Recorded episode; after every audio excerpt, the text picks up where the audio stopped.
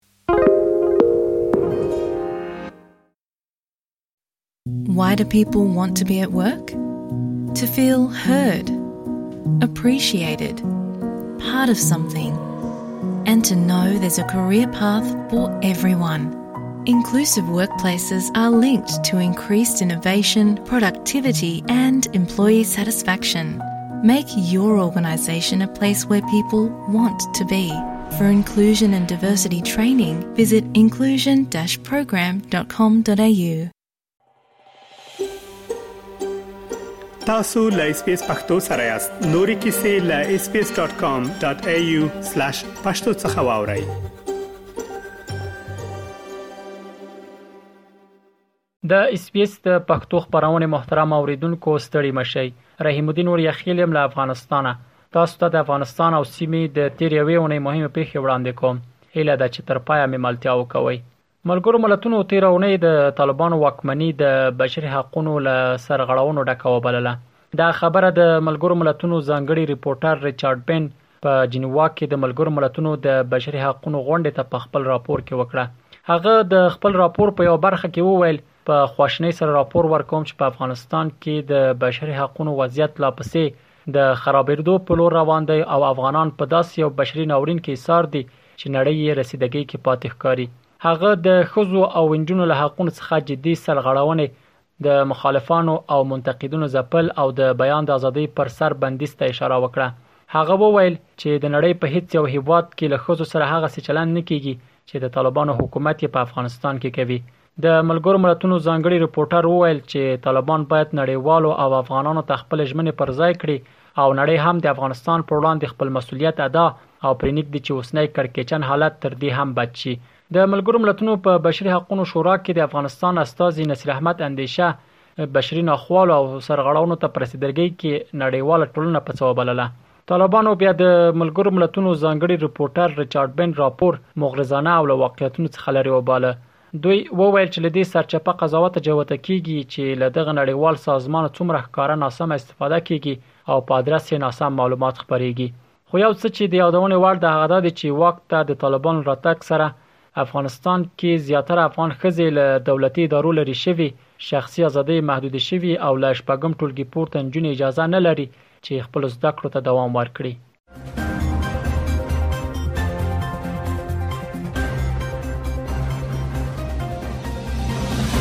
تېره اونۍ د امریکا ولسمشر جو بایډن وویل، چې له افغانستان څخه د وتلو سربېره پر امریکا د بل برید د مخنیوي پر ژمنه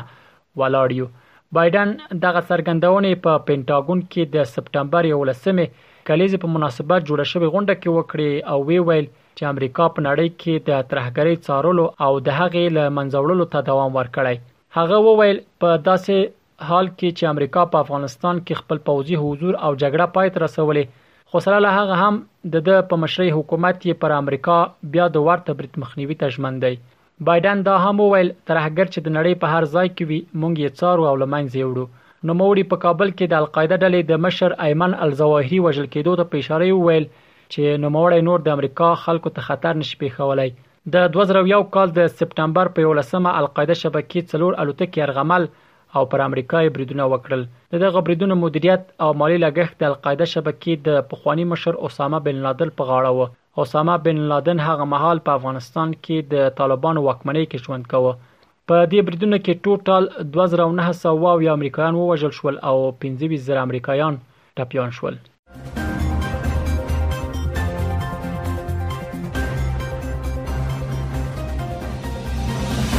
پاکستاني رسنیو تیرونی راپور ورکړ چې د پاکستان د بهرنی چارو وزارت په کابل کې د طالبانو له حکومت غوښتي چې د جیش محمد ډلې مشر مولانا مسعود اظهر ونیسي د پاکستان جیو نیوز ټلویزیون د راپور لمخې د دغه هیواد د بهرنی چارو وزارت یو جګپور چارواکي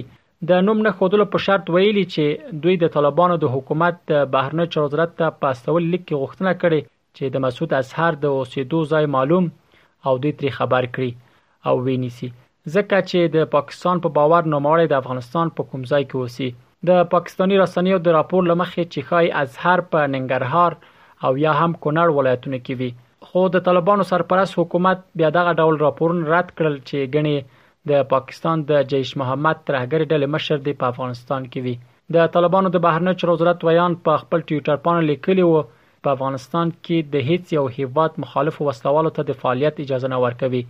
مسعود اظهر په 1999 کال د طالبانو د حکومت په تیر دوره کې د یو هندي مسافر وړونکي الوتکې په تښتولو کې په لاس لرلو تورن دی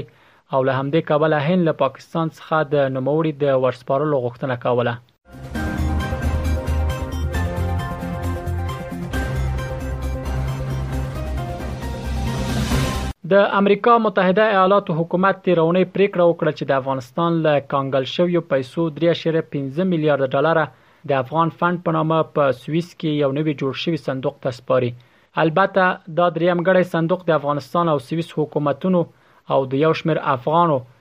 اقتصادي کارپوهانو له لوري جوړ شوی او د سویس د بي آی اس بانک سره به بانکي حساب ولري. ویل کیږي په دغه صندوق کې ساتل شوي پیسې به د عامو افغانانو د خیر ښیګڼې او د افغان دولت د نړیوالو پورونو د هوارولو لپاره ولګول شي. د دې شتمني د لګولو واک به له یوې تضمین کوونکې شورا سره وي. البته په دې شورا کې د امریکا حکومت یو استازی، د سویس حکومت یو استازی او همداراز دوه افغان اقتصادي کارپوهان شامل دي. امریکايي چارواکو وویل هیڅ یو روپۍ به د افغانستان بانک ته چې د طالبانو تر کنټرول لاندې دی ونه سپاري. د طالبانو د بهرنیو چارو وزارت بیا له دې پریکړې سره مخالفت وښود او ګواښ یې وکړ، هر هغه فرد یا اداره چې له دې زیرمو ناسمه استفاده کوي په افغانستان کې جریمه او فعالیتونه یې بندوي. طالبانو د امریکا دغه ګام د نړیوالو اصولو او د افغانستان د اقتصادي ثبات پر خلاف د امریکا منفي اقدام وباله خو په ټوله کې څه باندې یو کال شو چې امریکا د افغانستان میلیاردونه ډالر شتمني کانګل کړې ده. د امریکا ترڅنګ د افغانستان شاوخوا دوه میلیارده ډالر شتمني په اروپا او د متحده عربي اماراتو په بانکونو کې کانګل دي.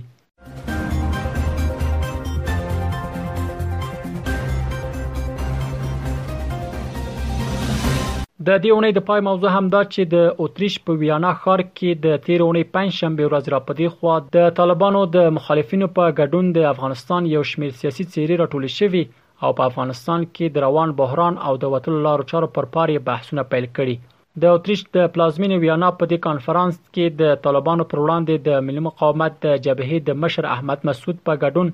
له دیرشو زیاتو مخالفو او سیاسي څیرو په حضوري او مجازي بڼه برخه اخیستې. دا له کله چې طالبان واک ته رسیدلي له افغانستانه بهر لومړنی کانفرانس دی چې افغانان د خپل هیواد د راتلونکي په اړه پکې خبرې کوي. درې نړیوال تحقیقاتي بنسټونه په ویانا کې د افغانستان د سفارت په همکارۍ د دغه کانفرانس چې د تړلو دروازو تر شا پرانیستل شوی کوربه توب کوي. د راپورونو له مخې د جرمني په ګډون د یو شمیر اروپایي هیوادونو استازي هم دې کانفرانس کې ګډون کړی. ویل کیږي د دې کانفرانس د بحثونو پایله به وروسته په یوه خبري کانفرانس کې اعلان او هم به د کانفرانس په پای کې یوه ګډه اعلامیه خپره شي خو طالبان چې عملاً یې قدرت په لاس کې دی دغه کانفرانس موثر نه بولي او دا د افغانستان د خلکو په زیان ګڼي. د یادونې ده چې د طالبانو یو شمېر مخالفې څېرې له هېواده بهر داسې مهال سره جرګه کیږي چې د طالبانو سرپرست حکومت نړیواله ټولنه ټولګډونه نه بولي